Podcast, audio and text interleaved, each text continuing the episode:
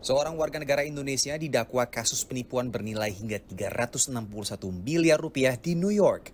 Francius Marganda, 41 tahun, tengah ditahan di penjara federal di Brooklyn, New York, sembari menunggu persidangan berikutnya. Yuliana Hasan dan Lini, warga Indonesia di kawasan Queens, jadi korban program investasi bodong Marganda yang diberi nama Global Transfer.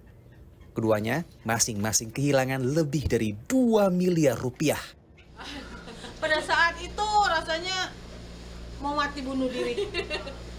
Ya karena itu duit kita kerja. Benar-benar itu duit kita kerja. Kita kumpulin duit sedikit demi sedikit keringet dan darah kita. Hasil jerih payah selama saya di Amerika 24 tahun.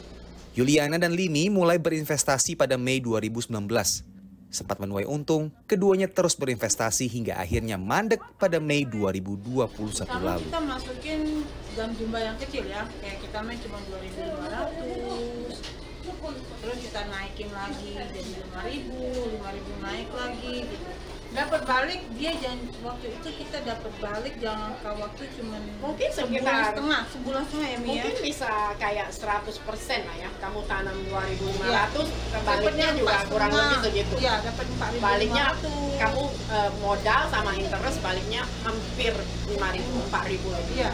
Makanya dari uang itu kita masukin lagi, lipat gandakan lagi gitu karena ya salahnya kita juga sih karena serakah.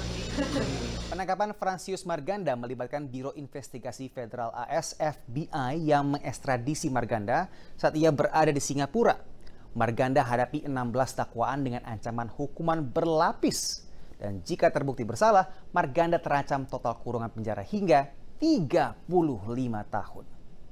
Meski berstatus terdakwa, Konsulat Jenderal RI di New York sebut Marganda masih dapatkan hak konsulernya. Karena kita eh, menjelaskan bahwa sebagai WNI Pak, Marganda juga masih eh, mempunyai hak untuk mendapatkan eh, hak-hak konsuler eh, Pak Marganda. Misalnya hak untuk didampingi oleh pengacara dan juga pemberian bantuan untuk keperluan sehari-hari Pak Marganda di dalam penjara. Marganda diketahui menjalani program investasi bodong Global Transfer dan Easy Transfer bersama dengan beberapa rekanannya. Namun, sejauh ini hanya Francius Marganda yang ditahan pihak berwajib Amerika Serikat. Persidangan kedua Francius Marganda berlangsung pada 1 Maret 2024. Dari New York, Randy Wucaksana, VOA.